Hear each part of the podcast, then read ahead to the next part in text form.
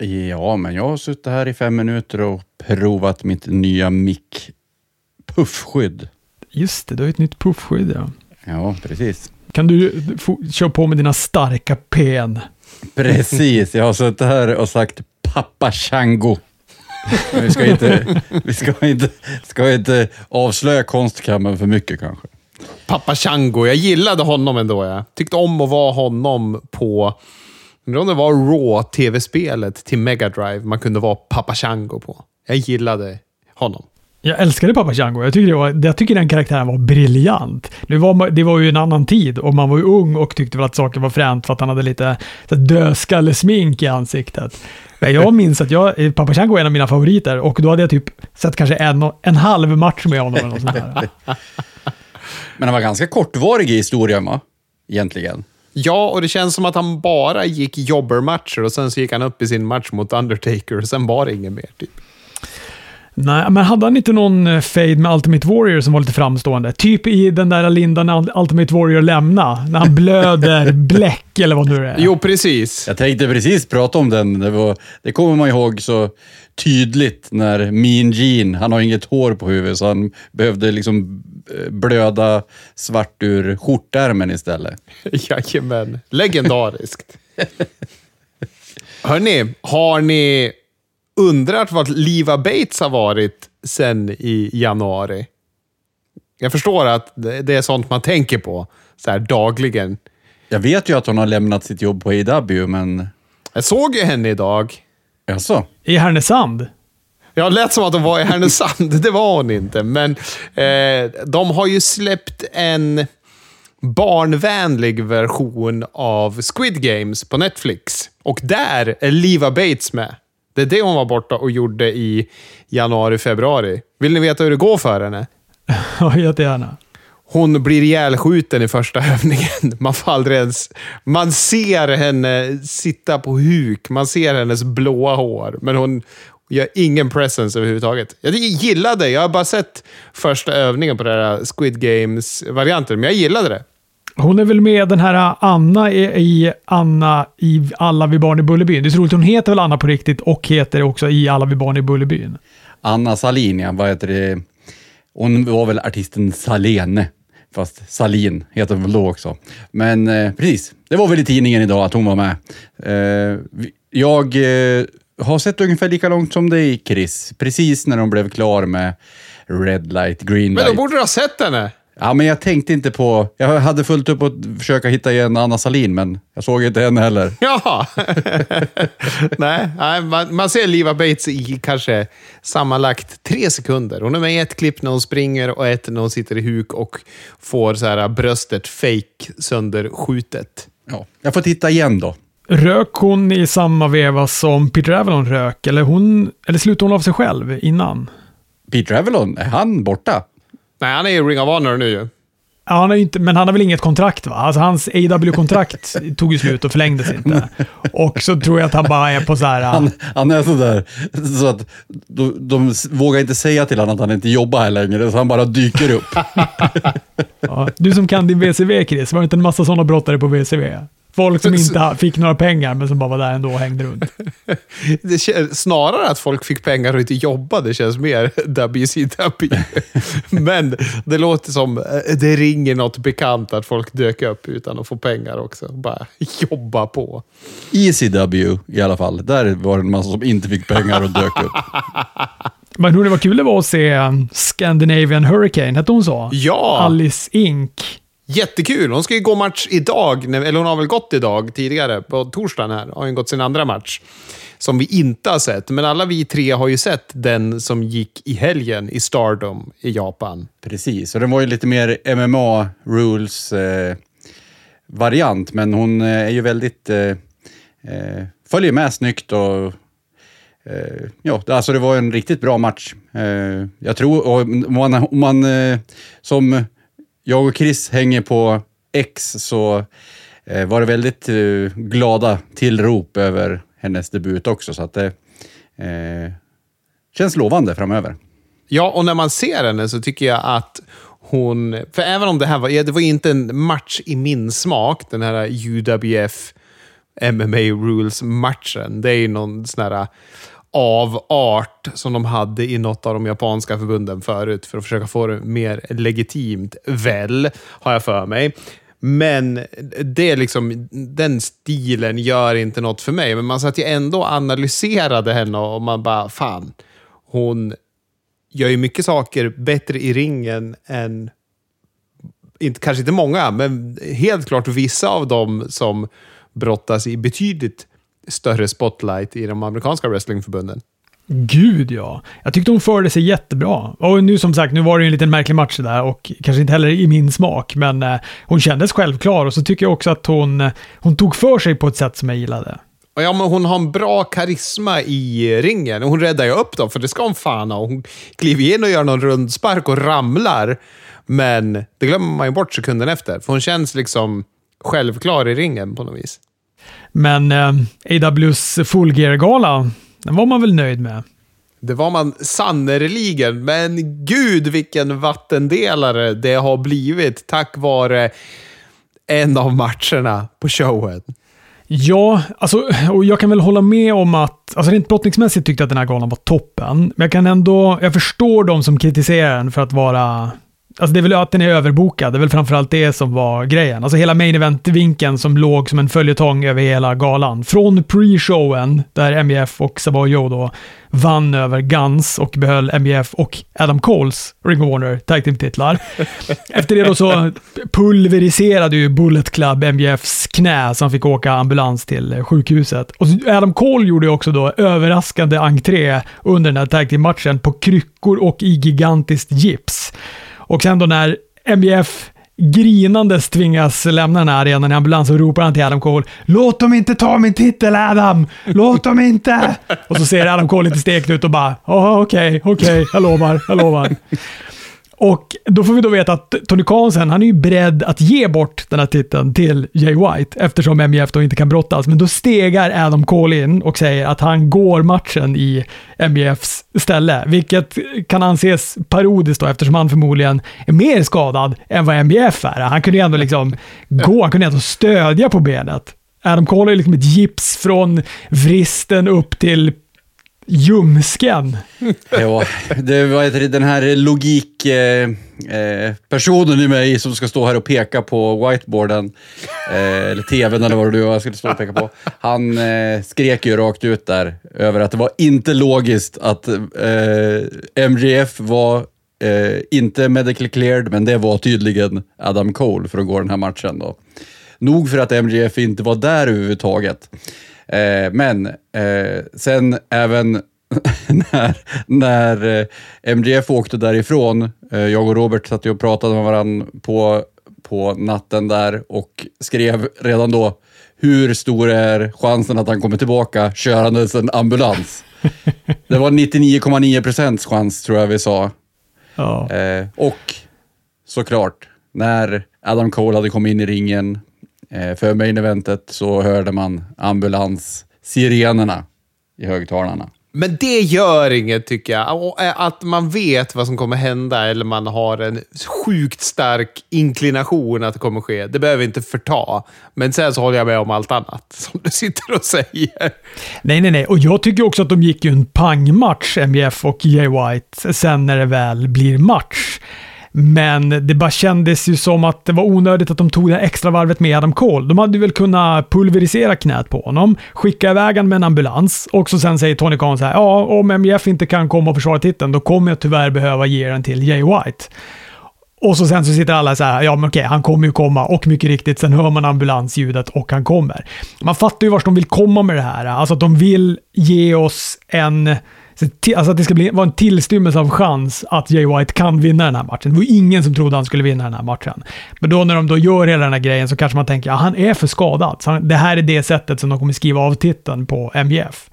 Men eh, nej, det backfire det där. Det där blev, det blev alldeles för överbokat. Det kändes VVE när VVE var som sämst. Alltså det kändes nästan lite förolämpande. Ja, men det kändes ju Vince Russo, det håller jag med om. Men det kan, om vi liksom... Nu är det ju svårt att ha tilltro till Tony Khan för tillfället.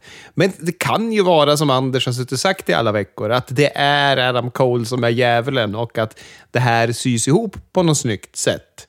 Och då kanske vi förlåter den här illogiken. Han kanske är mer hel än vad vi vet. Antagligen inte, men han kanske tar av sig gipset på World's End och slår han i huvudet med det eller någonting. Vem vet? Nog, nog kändes det som att eh, Adam Cole var lite som Santos Escobar där under matchen också. När han la fram ringen som Jay White snodde åt sig. Han plockade fram bältet som Jay White snodde åt sig. Eh, och som sagt, Santos han har ju turnat nu så det skulle väl kunna vara det då. Men nu var, på Dynamite så var ju Adam Cole i ringen när djävulen var på kamera. Men som sagt, det vet vi inte heller. Vi kan, vi kan prata om den, det segmentet sen. För det, jag har en liten spaning där. Ja, men. Men jag är ju bara intresserad av att veta hur du tänker då Chris, att det skulle bindas ihop med det här. Att Jay White och Adam Cole då skulle ha gått matchen och Adam Cole skulle ha förlorat den med flit. För att han kommer törna på MJF. Nej, men han vill ju absolut inte att någon annan än MGF ska ha titeln. För han vill, han vill ju liksom, det kommer vara så enkelt att ta titeln av MGF när han har manipulerat honom. Jag vet inte, jag är inte svaret. Jag bara säger att det skulle kunna finnas någon tanke bakom det. Och ja, som sagt, han kommer väl närmare MJF då med att han ställer upp för honom. Så att det är väl det som vi har pratat om tidigare också, att det gör ondare liksom när det är den närmsta som man inte anar som eh, vänder emot honom. Det var väldigt roligt när, när Britt Baker höll på att twittra ut på om att det var 15 personer som försökte stoppa MJF när han kommer haltandes mot ringen. Men ingen bryr sig om att försöka stoppa den nyopererade killen med det gigantiska gipset över hela benet. Sen löpte Ola Mok också där på presskonferensen att, att Tony Khan och MJF satt ner medan Adam Cole med sitt nyopererade ben fick stå upp. Underbart. Ja. Precis, hon är väldigt engagerad i den där fejden. Jag an, kunde nästan ana att det var Chris kommer ha rätt där. Att det är Britt Axelvaddarna. Ja, att det är axelvaddarna. Men som sagt, vi, vi kommer väl kanske mer till djävulen, men eh, det känns ju som att helt plötsligt sen eh, nu på Dynamite så har ju hela nätet blivit säker på att det är Jack Perry som har krypit in i masken. För att han skrattar, eller vadå? För att om man tittar i segmentet så ser det ju ut som att om det här är meningen så kommer det vara snyggt, för då kommer de ju påvisa det. Men det ser ju ut som att Adam Cole har någonting i handen som han trycker på. Precis när segmentet går igång. Då släcks lamporna och så vad heter det, körs videon igång. Och sen så när det klipper tillbaka, då stoppar han någonting i fickan. Oh, det här måste jag titta på igen. Det här har jag inte sett. Observant av dig. Ja, men det kan ju vara ingenting också. Det kan ju vara verkligen hittepå. Jag har ju hittat på axelvaddar tidigare, så vi ska inte, inte titta för mycket på det. Men det ser ut som det. Det är svårt att se när han sitter där. Men återigen, jävla vilken match han gjorde, Jay White. Alltså han är så in i helvete bra. Och när han nu får lite så New Japan-tid också i matchläge i AEW. Mumma. Mumma. Ja, han var, när han kom in på Dynamite så smekte han ju New Japan Strong-bältet också när han körde in den här turneringen som eh, var. Så att han eh, har ju fortfarande kanske kvar lite New Japan-vurm. Eh, jag tänkte när, när, du Chris sa att eh, det var en match som var vattendelare så tänkte inte jag på den här matchen direkt. Nej, inte jag heller direkt. För eh, det har ju varit ganska många som har varit ilskna över årets match, att den var så himla carny och indifierad också. Alltså... Är det årets match för dig, Anders? För det ska bli intressant att höra vad ni tycker om den här. Vi pratar ju om deathmatchen mellan Swerve och Hangman Adam Page. Jag tycker den var, jag tycker den var vidrig. Alltså jag tycker på riktigt att den där var vidrig. Den, alltså den var ju bra. Det var det här, här. jag väntade på. jag fick vad jag betalade för. Det fick jag sannerligen. Men alltså det är ju, alltså de höll på att liksom slicka, alltså slicka blod och häfta fast en jävla barnteckning i ansiktet och grejer. Nej, det där var... Ja, det var det här jag visste. Det var det här jag väntade på. Det förstod jag. Att, och, och jag tycker om att du reagerar så. Och det är ju den reaktionen, fast upphöjd i tio, som liksom florerar på den ena sidan lägret och på den andra sidan lägret så är det ju årets match enligt många, eller framförallt AEWs årets match. Jag känner väl att den väcker ju reaktioner inom en Så att, eh, och det... eh, Äckel. ty- Den väcker äckel, Anders. Ja, ja, men alltså... Eh, Jag, jag ska säga så här, bara för att förklara för er som inte har sett, så finns det saker som även jag tyckte var överdrivna. Bland annat när Hagman Adam Page dricker Swerves blod genom att ligga under honom och låta blodet rinna ner i munnen. För att sen göra en Triple H och spruta upp det som en fontän. Men då, var det så, då kände, jag någon form av, även om jag och Robert inte så galan samtidigt, så var det som att ha honom själsligt med mig när han vände bort huvudet. När det även vart för mycket för mig. Ja, men... eh, Det, jag, vad heter det, jag känner bara att... Eh, gör det för konsten, grabbar. Kör på! men, och sen så tycker jag att eh, Swerve, eh, nog för att det var Adam Cole som gjorde det där, och jag tycker, eller Adam Page som gjorde det där. Eh, jag tycker dels att Adam Page behöver någonting för att återuppväcka sin karaktär. Och eh, eh, det här stack ut i alla fall. Eh, och sen så tycker jag att Swerve var ett sånt eh, eh, vidrigt as i den här matchen också. Och han, men ändå så gjorde han så snygga grejer som när han plockade upp häftapparaten efter att han har fått häftstift fastsatta i ansiktet och den där eh, teckningen. Eh, så tror man ju att han ska ge sig på Adam Page, men han häftar sig själv i bröstet tre gånger till och kastar iväg den där häftapparaten. Jag tycker bara han var så hård. Han var ju den perfekta healen. Men det som är ett problem nu är att folk börjar gilla honom eh, för mycket. Så nu blir han ju face av att han är för mycket heal. Eh, Det är problemet när man är en cool Ja. heel. Det har ju alltid varit ett problem. Men jag ska säga så här, jag tycker också att det var en jättebra match. Det var bara egentligen bloddrickarsekvensen som stack i ögat på mig. Och, och samtidigt så fick jag... Det känns lite som att det, om det här hade varit en Hollywoodfilm så hade ju Mel Gibson spelat någon av rollerna. Och det hade varit så att man tyckte det var jobbigt, men det väcker, precis som Anders säger, några känslor. Och jag tycker, på, jag tycker att berättelsen de berättade var toppen. Det här var ju den bästa storyn inför pay-per-viewet. Det, det blev också den bästa matchen för att de berättar ju en vad en jävla resa man åkte på med liksom Hangmans hämnd för att han tog sig in hos familjen. Och eh, i slutändan så lyckades han inte vinna över monstret. Det var monstret som vann. Jag tycker det var, ah, jag tycker det var jättebra. Det tycker jag. Men man ska inte dricka varandras blod. Det tycker jag man ska låta bli. det kommer inte vara så många som gör det sen. Förutom på Indis då. Nej, men jag håller med. Alltså, det är ju, om jag skiljer på de där två, för det var ju en kamp och det var ju en bra match på det sättet. Men det är bara att jag tyckte den var vidrig. Jag tyckte den var vidrig verkligen. Sen så var det, det hade ju eh, Swerve en sån, nog årets promo på eh, internet efter det här också. När han satt blodig backstage och eh, pratade om allting. Han gick ju och vann Swerve. Du, du var väl inne på det Anders, men du och jag Chris var väl inne på att det skulle bli någon back-to-back-bokning här och Ja. en tredje avslutande match. Men det fick vi istället med Orange Cassidy och Mox, vilket också var Ja. jävla förvånande. Men som sagt, det, det, det är väl inte helt omöjligt ändå att de kommer komma tillbaka till den här fejden ännu en gång eh, och låta Hangman vinna då. Eh, men vi får se. Eh, Hangman var ju inte med på, på Dynamite, men det var ju Swerve då och de gillade honom, publiken. Mitt förtret. Ja, det stack i ögonen på dig Anders? Jajamän. Men jag tycker inte att det gör någonting. Alltså Swerve kan...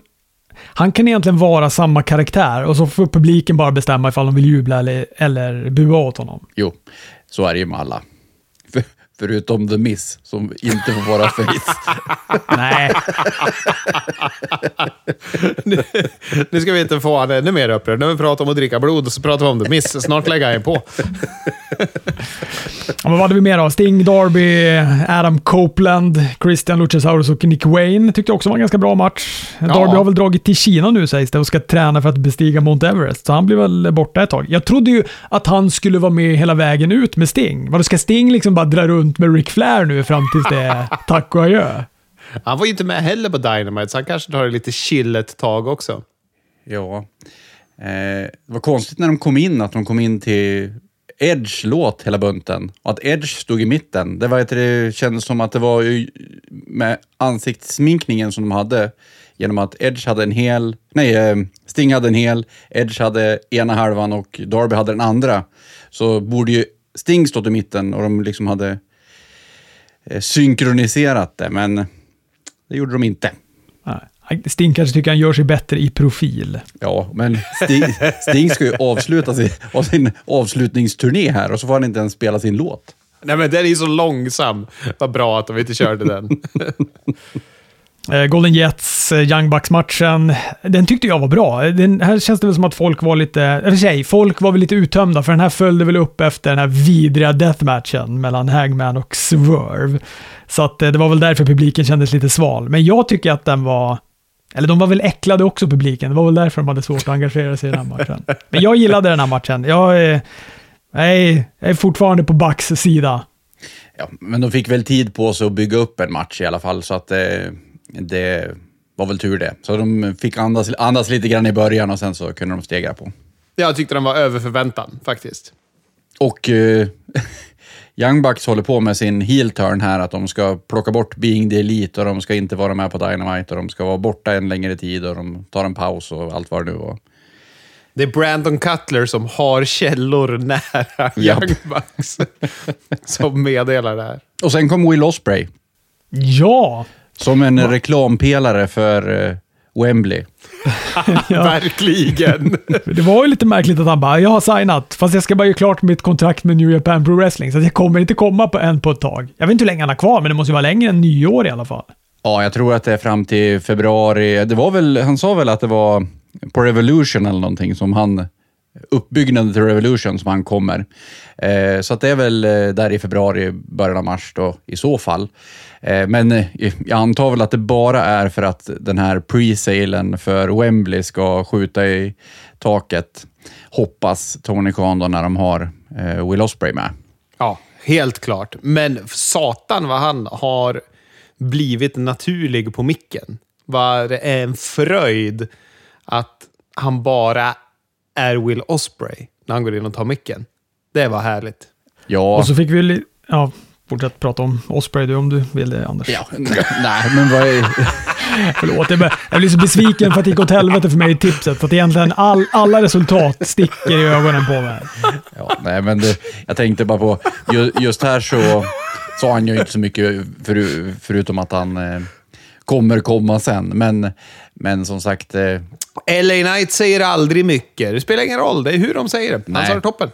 Precis. Men jag, jag, som sagt, jag, jag, kan inte säga någonting emot honom. Han, han är ju grym på micken eh, och det kommer vi få se sen när eh, det får mer betydelse vad han säger. Och så lite nya mästare. Hikaru Shida förlorade titeln till Tony Storm. Eh, det blev någon konstig fadäs där med stekpanna, eller vad var det? Ugnsform som hon försökte köra ner där i, i, i brallan och fuska med. Tyvärr Ja, eller något sminkfat eller någonting. Det var tusen saker som de pratade om. Ja, den stack ut i alla fall väldigt mycket från, ja. från brallan. Så att stackars Aubrey Edwards, eh, domaren, då var ju tvungen att låtsas som att hon inte såg en hel ugnsplåt sticka ut från brallan då när hon skulle, när hon vann på grund av den ja, jag vet inte, skit i vad det var. Det här var väl kanske galans svagaste match. Men jag är ändå glad att de hängde titeln på Tony Storm. Ja, det var väl en av de svagare matcherna. Jag tycker, tycker dock att det var roligt på Dynamite när de hade det som en Oscars eh, ga, gal, eh, award ceremony där med, med eh, Tony Storm. Att de fick ha tacktal, de blev uppropade och allt möjligt. Nog för att det var fånigt, men det var ganska roligt ändå. Ja, men det är ju så här. Jag blir en sån paradox när det gäller de där grejerna. Visst fåneri, det, det sväljer jag med hull och hår och visst fåneri, det avskyr jag som pesten. Det här fåneriet, fåneriet uppskattar jag ju väldigt mycket. Jag tycker hon är toppen. Jag förstod bara inte om hon ramlade på riktigt eller om hon var dramatisk och ville ramla för att hon skulle få sympatier när hon sprang upp på scenen där. Jag misstänker att hon var dramatisk bara, att hon är brittisk slapstick.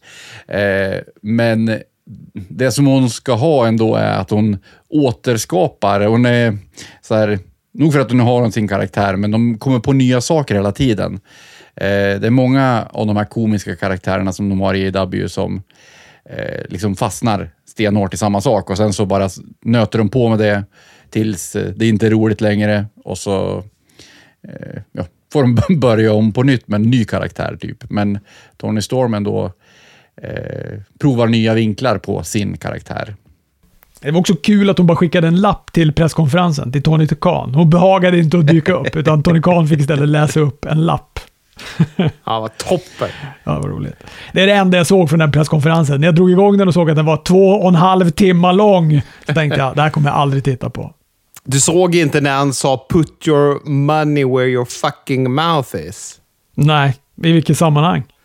Att uh, nu jävlar gör jag en turnering här. Ni älskar ju turneringar när folk bara brottas bra matcher. Se till att titta och kom och köp biljetter då. Han var hyfsat bitter. Vem är det som tycker om turneringar? Ja, Efter alla jäkla turneringar han har satt upp. Exakt. Han har uppenbarligen inte lyssnat på den här podden då, den här gången. ja, ja. Vi ska komma till den här turneringen. Jag vill också bara säga att Julie Hart tog ju TBS-titeln i Triple Threat-matchen där mot Statlander och Sky Blue. Jag tyckte det var en bra match. Jag tyckte att det var... Ja, men samma här. Att jag tycker att det är bra att de ändå hänger titeln på Julie Hart eftersom hon har momentum. Sen kanske hon hade kunnat få vinna den där rent istället i en... Eh, som en returmatch, en Wrestle Dream returmatch mot bara Chris Statlander. Men eh, de löste det så här istället. Men helsike vad Chris Statlander höll ihop den här matchen. Vilken stjärna hon är. Ja, hon är ovärderlig för dem. De får inte glömma bort henne nu. Det är fara och färde när de blir av med titeln. Då är de borta ifrån tv i veckor. Så jag får hoppas att de har kvar henne. Och så behöll ju då Ricky Starks och Big Bill sina tag team-titlar i stegmatchen mot FTR, King of the Black Throne och La Functioning. Fan, Rouge, han är en karismatisk herre, må jag säga. Han sticker ut även i en sån här äh, multiman-match. Och, han tar vara på sina minuter, för jag tror att han är ganska bufflig och tar den där tiden från sina motståndare.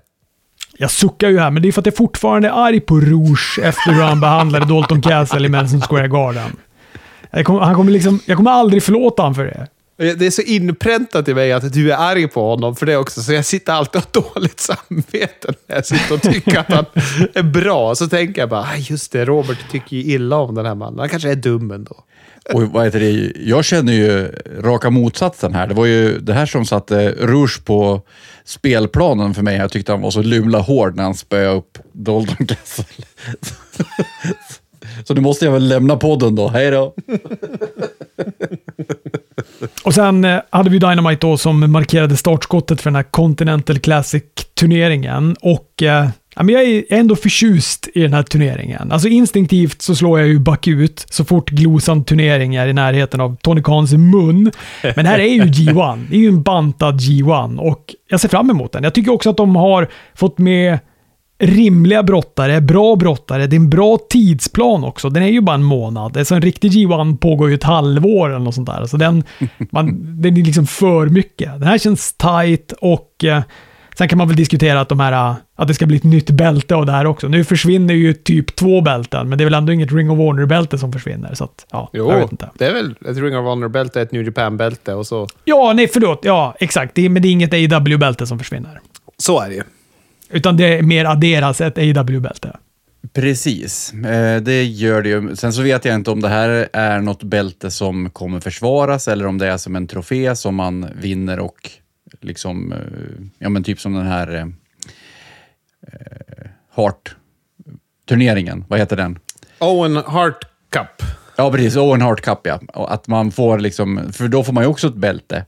Eh, men att det har man bara, får man bara som en trofé. Som man eh, behöver inte försvara det sen.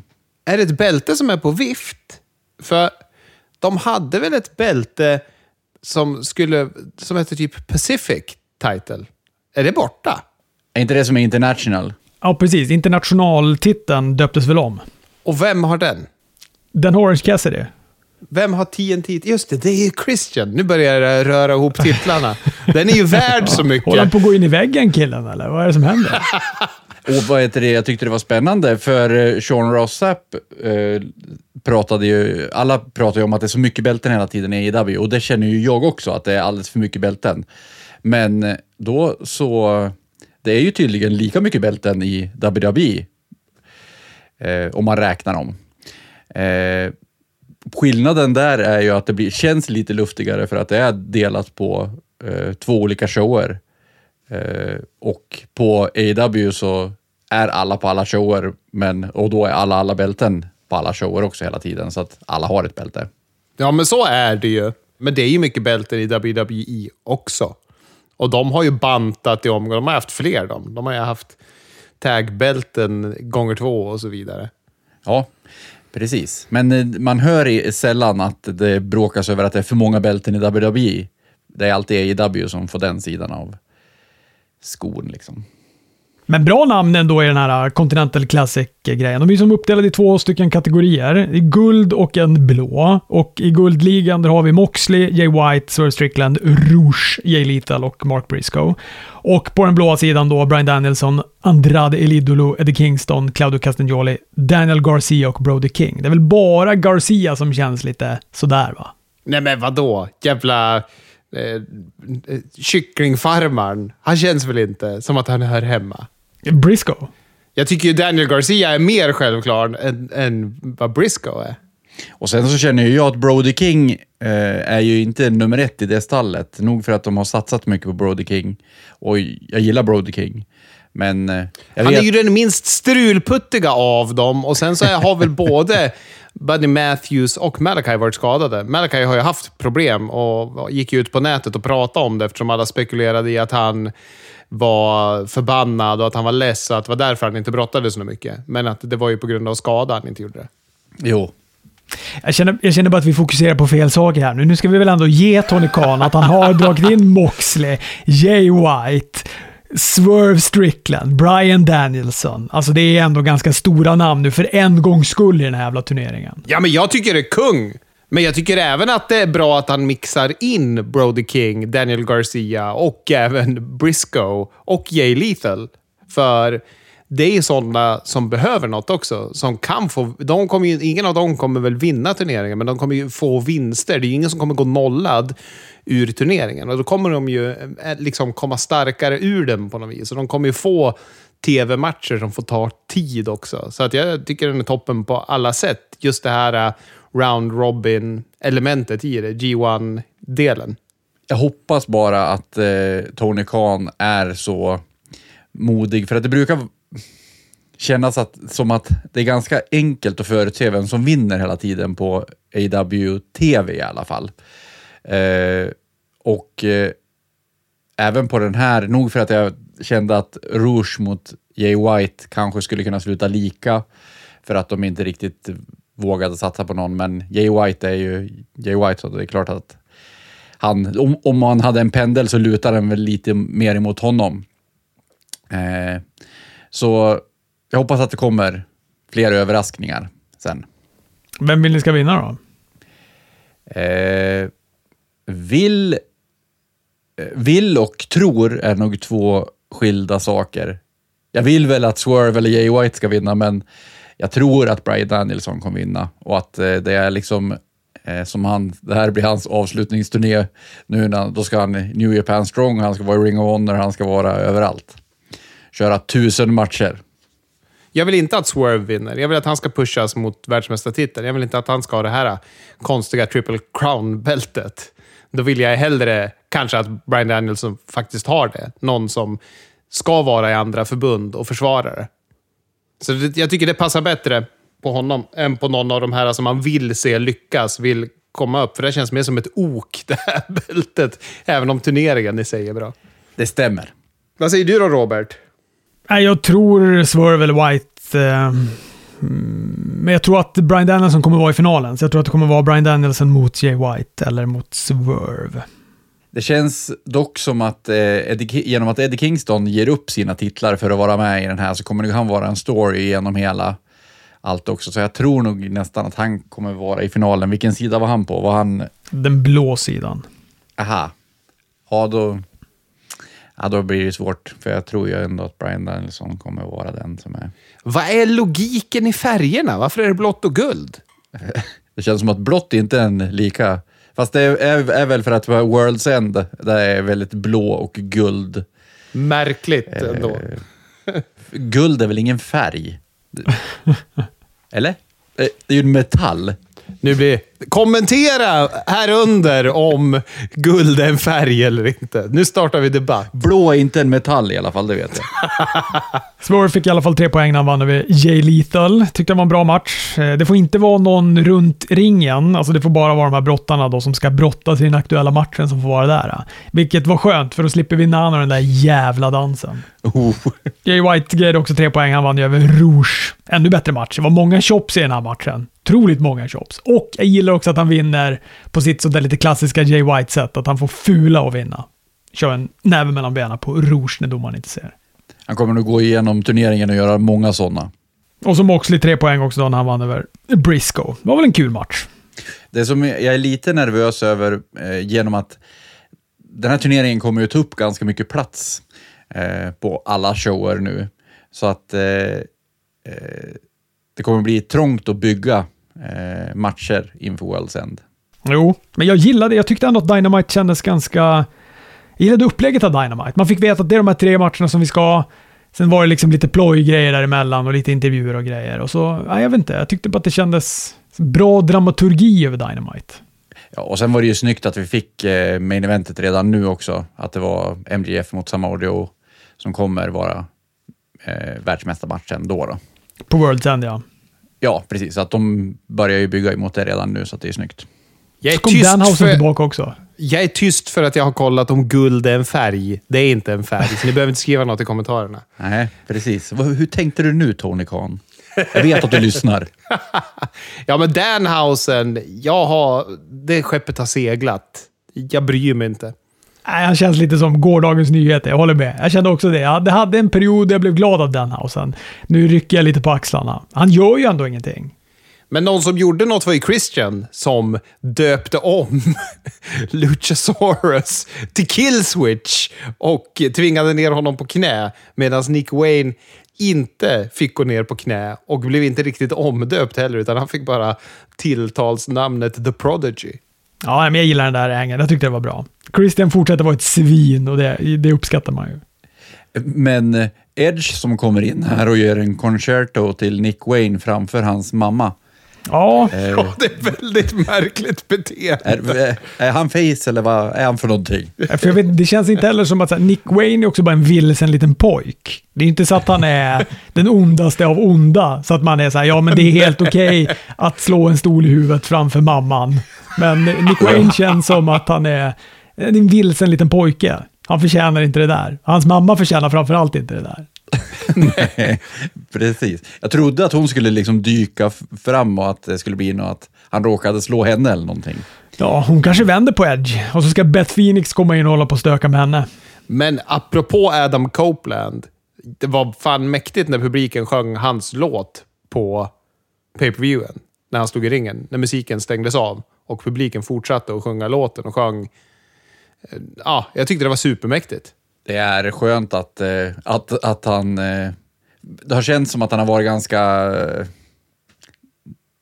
plan i början här, men publiken har fortfarande inte glömt av att han är en stjärna. Låt oss eh, ta oss över till WWE. Det är den delen jag är mest sugen på just nu. Kanske inte just för Raw och Smackdown, men för att jag är ju stensäker på att CM Punk kommer dyka upp på Survivor Series i helgen. Jaså? Så att jag sitter ju som på nålar inför helgens pay, inte pay per vad heter det nu? Premium live-event. Tror du verkligen att han kommer? Nej, jag vet inte om han kommer. Det, det känns som att min gimmick är att jag måste tro att han kommer. Så jag, jag har liksom hållit på och pratat om att han ska dyka upp där nu. Så att det är som att jag... Jag försöker- övertala min egen hjärna att jag tror att han kommer. Jag, jag tror nog inte att han kommer. Men eh, jag vill att han ska dyka upp i alla fall. Och det ville det ju absolut inte för ett tag sedan, så det är ju en bra vändning. Ja, men jag är en paradox när det gäller sin Punk. Men vem är det han pratar om annars då liksom? Eh, Nakamura. Shinsuke, ja.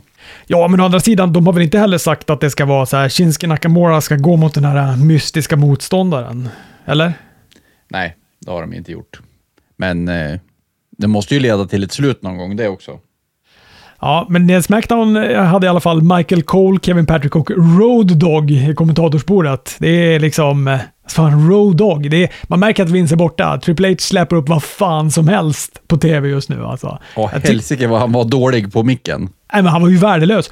Och det är bara den här Kevin Patrick-vurmen som gör att man håller liksom ett litet, litet gott öga till Kevin Patrick. Han är ju inte heller jättebra. Nej, gud nej, han är bedrövlig. Och han skulle liksom också hålla taktpinnen här. Alltså att den enda som är egentligen bra nu är ju Michael Cole och han satt ju mest och höll käften under det här Smackdownet. Tänk, ett tag så hade jag fått för mig att Michael Cole var kass. Men nu tycker jag att han är en av de absolut bästa kommentatorerna som kör på wrestlingen nu. Men var han inte kass när Vince... När, när Raw och Smackdown var kast? Då har jag också för mig att man tyckte att Michael Cole var kass. Men sen var det väl som att Vince drog därifrån och då kunde han blomma ut lite grann och då blev han ju mycket, mycket bättre. Ja, gud ja. Han har blivit betydligt mycket... Jag tror att han fick en renässans tack vare Pat McAfee. Då hittade han liksom glädjen i jobbet igen. Men jag kan inte förlåta honom för att han skriker i fullan hals att Do it for us weirdos, miss. När, när Miss håller på och pratar i ringen. Ah. Men vi fick några Wargames-vinklar i alla fall. Santos skulle möta Carlito. Santos som nu är, är superheal. Han önskade att Rey Mysterio dör på operationsbordet. Eller han önskade att han skulle få en infektion i alla fall och behöva amputera benet. Men jag var så glad över hettan från publiken. Han var ju verkligen en heel. Det var ju liksom... Oron var ju att han skulle komma in och de skulle inte bry sig, att det bara skulle vara tystnad i publiken. Men det var ju riktig jävla hetta på Santos Escobar, vilket var superhärligt. Sen gjorde han ju en jättebra promo också. Men hettan var där redan innan han började köra promon. Jag hoppas bara att de här andra två tjommarna, som jag inte kommer ihåg namnet på, men resten av Legado del Fantasma också blir heel.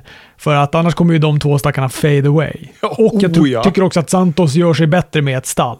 Man kan ju få ta in Angel Garza och Umberto Carrillo. De är ju mer karismatiska än de andra två herrarna.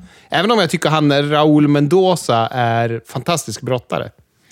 Eh, precis, Fram, framförallt eh, Angel, han eh, passar väl som heel i alla fall.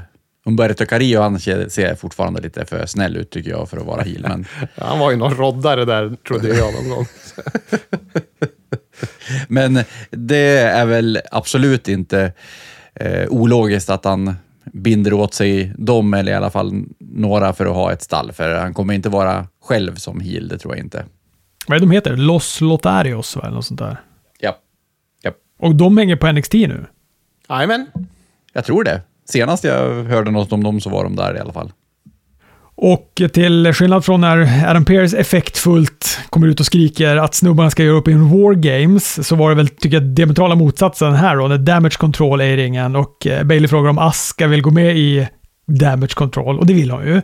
Eh, och då säger Dakota, Charlotte, Bianca, Shotzi, hitta en till partner och möt oss i War Games.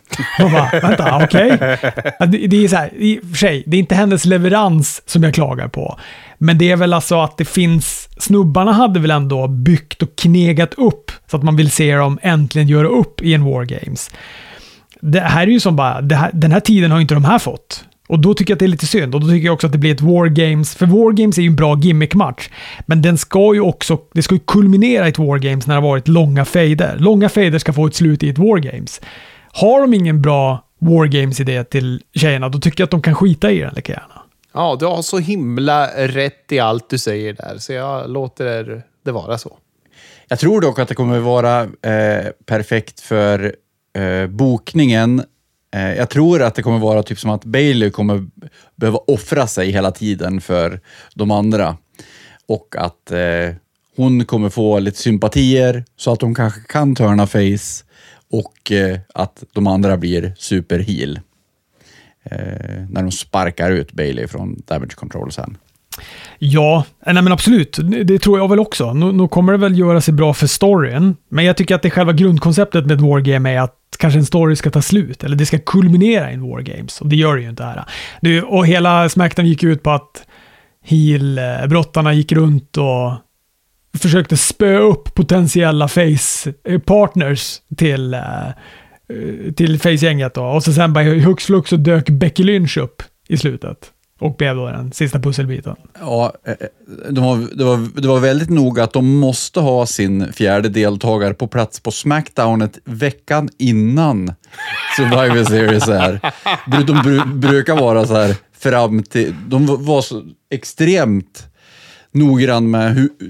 De måste liksom lämna in till något, någon myndighet som ska ta en vecka på sig att handlägga innan de kan, kan eh, dra igång matchen, känns det som.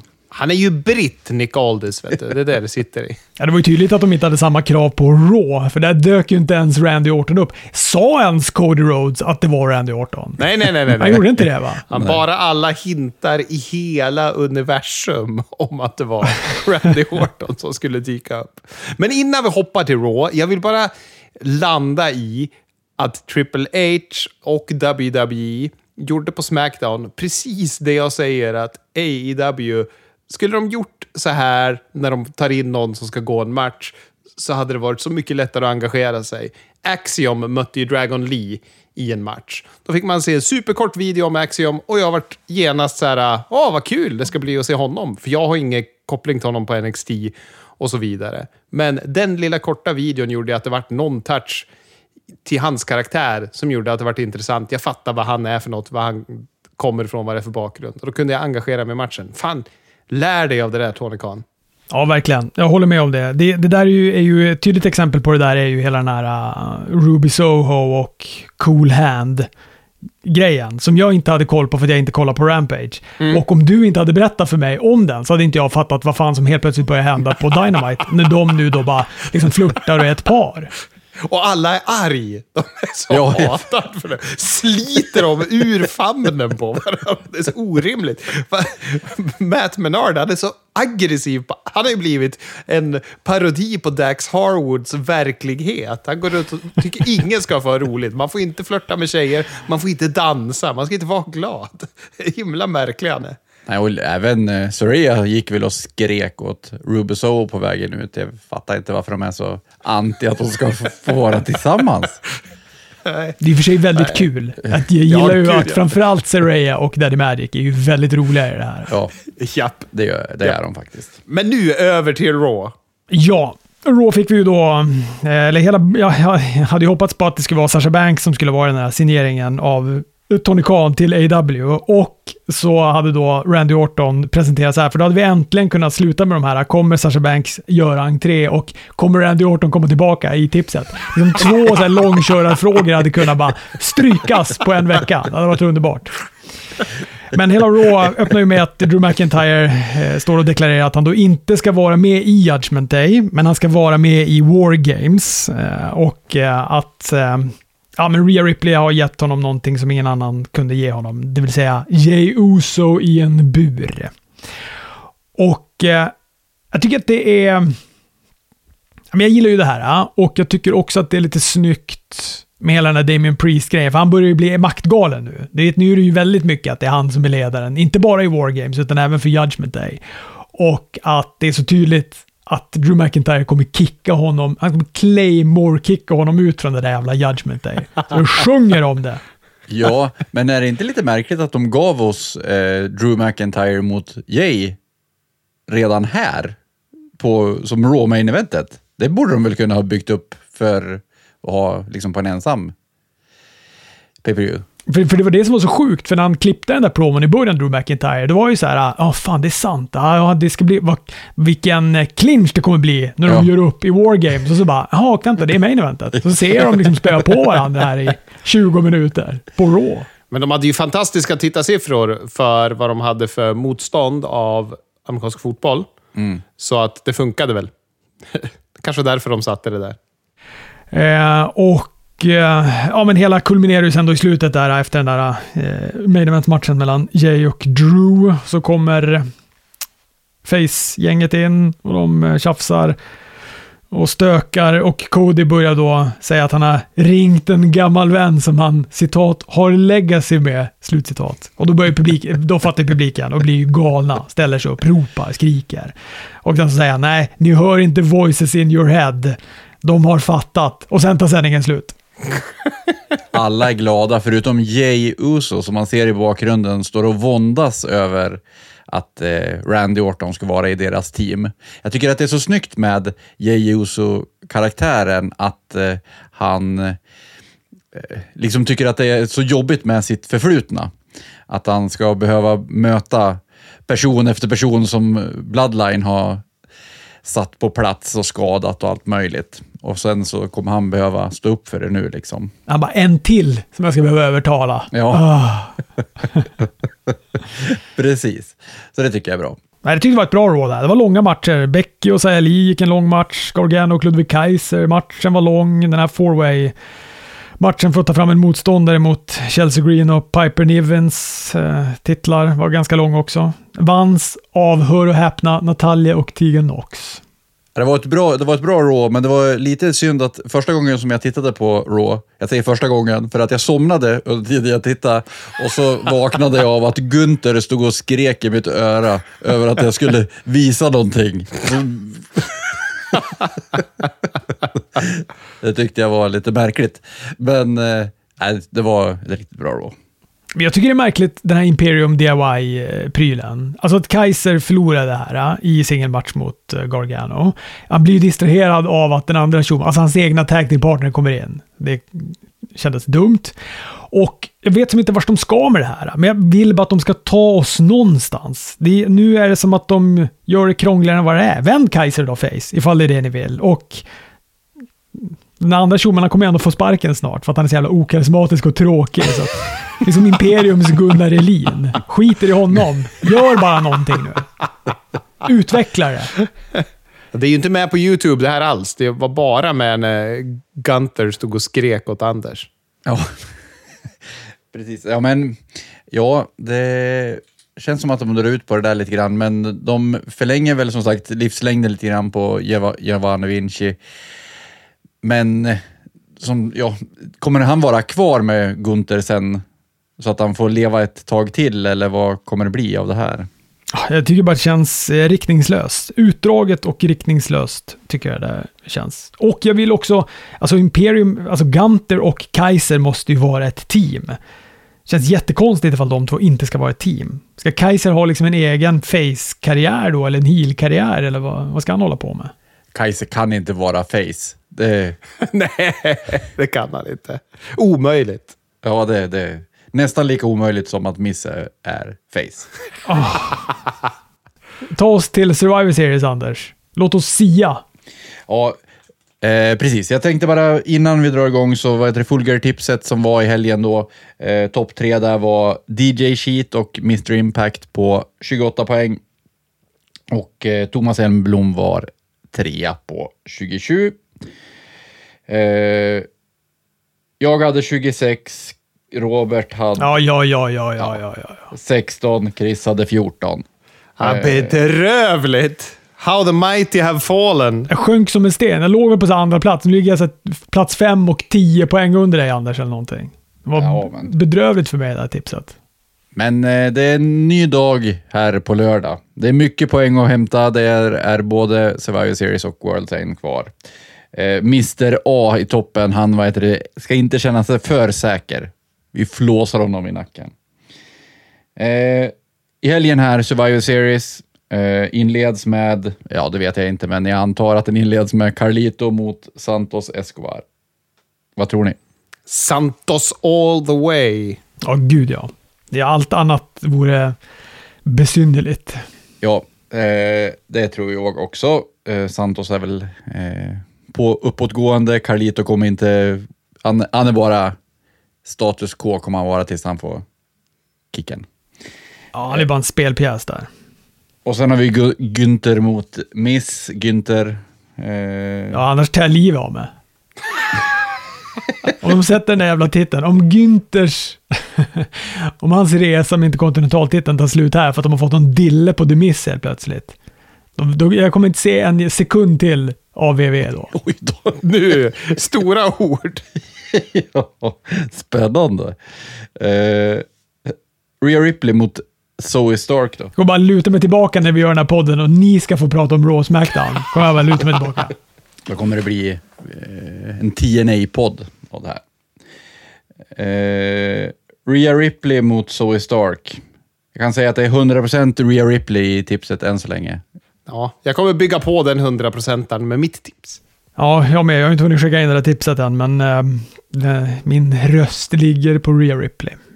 Och sen har vi då Women's War Games-matchen. Bianca Belair, Charlotte Flair, Shotzi, Becky Lynch mot Bailey, Asuka, Io Sky och Kairi Sane. Jag sitter här och fick lite så här att jag kanske borde ändra mig. Jag har satt att teamet kommer vinna, men det har jag även gjort på herrarna, så jag spoilar lite vad jag satt där nu. För att det känns rimligast. Men jag vet inte om de vill att båda Face-teamen ska vinna Wargames-matcherna, men det kanske de vill. Ja, jag tror ändå att Face-teamet vinner. Jag våndas med exakt samma känsla där, Chris. Eh, att jag, vill, eller jag tror typ att båda Face-teamen kommer vinna, men det känns fel att båda Face-teamen ska vinna. Så att, äh, jag tycker också det där. Och det är nog den här matchen som jag känner är svårast att veta åt vilket håll den ska svänga. Men jag tror... Vilka, vilka har fördel i den här? Det har de inte sagt någonting. Det kanske kommer på Smackdown. Eh, det, nej, det, det kommer... Eh, eh, det ska ju vara en fanvote på någon chips-sida. tror jag. Som avgör vilka som har fördelen. Fy fan. Ja, vad man älskar när wrestlingen säljer ut på det här sättet. Såg ni Woo Energy-reklamen? Eller, det är klart, det gick ju inte att undgå på Dynamite. Oh, jag måste få tag på en sån där Woo Energy till WrestleMania, så jag kan sitta och dricka det. Om varumärket fortfarande finns i april. Om den är tillåten i Sverige, vad heter det? Vet, får man importera den? Så man inte cannabis i den? Ja, precis. Jaha, jag kanske ska låta bli den. Eh, Medan du funderar Robert, så säger jag att jag tror att eh, Damage Control kommer vinna. Eh, men som jag var inne på tidigare, jag tror att det kommer vara som de bokade Sami Zayn förra året, kommer, de, kommer Bailey bokas typ i det här. Så att hon kommer få offra sig för de andra i Damage Control. De vinner och sen så när hon har fått sympatin så sparkar de ut henne. Jag tänker mig att hon förlorar matchen, ja. Och jag tänker att face-brottarna har liksom inget upplägg, så de behöver vinsten. Det behöver inte damage control, för de har upplägget. Precis, och så blir det katalysatorn i att de gör sig av med Bailey. För att hon är den svaga länken och förlorar den här matchen. Nu hade ju du och jag 14 och 16 poäng på förra tipset, så att, och ni som lyssnar bör ju lita på Anders magkänsla med. ja. ja. men, men eh, så du tror Face-teamet då, Robert? Ja, jag säger Face-teamet. Yep. Bailey slutar på rygg. Bailey slutar på rygg. Uh, ja, jag tror uh, att... Ja, det spelar ingen roll. Eh, jag hittar inte igen, jag hittar inte, jag hittar inte igen vem som ligger på båten på min. Eh, jo, Shotzi är det som avgör på, slutar på båten. Eh, Cody, Seth, Sammy, Randy Orton, Jey Uso mot Judgment Day och Drew McIntyre. Då.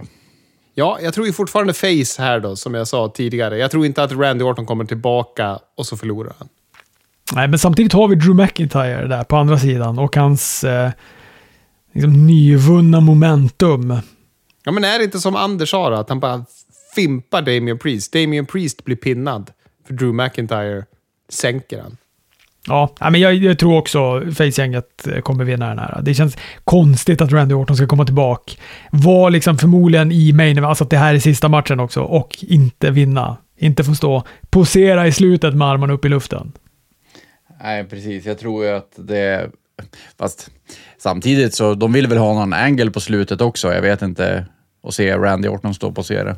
Men i och för sig, CM Punk kommer ju tillbaka i slutet. Ja, precis. Vi har ju en fråga om det. Det är fråga nummer åtta i tipset. Kommer CM Punk komma tillbaka? Och jag säger nej, nej och åter nej. Alltså, jag tycker det är så svårt det där, för att jag tror ju inte heller det.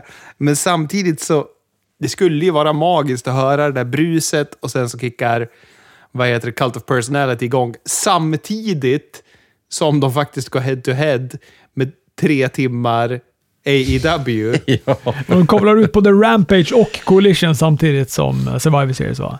Ja, exakt. Och ja, det måste ju vara kittlande för CM Punk om inte annat att komma tillbaka och göra det. Ah, Jag gör så här, jag ligger så långt ner på det där tipset, så nu kastar jag min röst och kastar ut energin i universum att CM Punk kommer tillbaka. Så hör ni det där bruset så kan det ha varit min röst som gjorde det. Ja, nej, jag, man ska tro på sig själv. Det har Joakim Tåström lärt mig. Jag säger att CM Punk kommer tillbaka. Vem är det som Kinski håller på och pratar om annars då? Vi får se. Hörrni, detta om detta. Vi hörs.